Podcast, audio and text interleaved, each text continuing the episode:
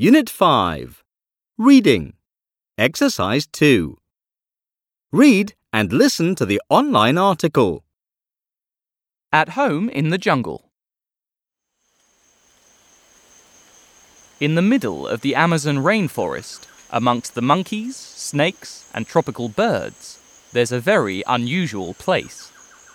Twenty meters up in the trees sits the Amazon Towers Hotel, the biggest treetop hotel in the world.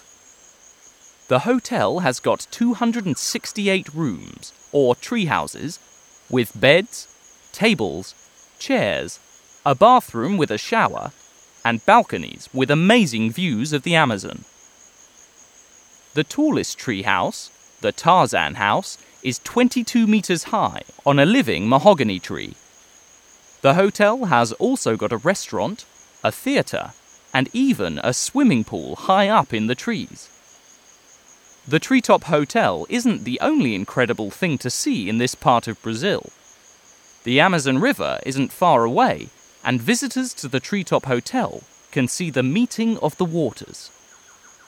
Two of the most powerful rivers in the Amazon, the Rio Negro and the Rio Solimões, meet here. The almost black water of the Rio Negro is darker than the brown water of the Rio Solimões, and you can see both rivers side by side.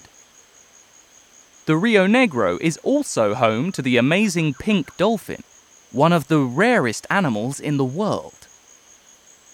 Visitors can also see local tribes in the Amazon and discover the ancient culture and traditions of the Amazonian people. At the end of a busy day, you can return to the hotel in the trees. It's not far, but it's a long way up to bed.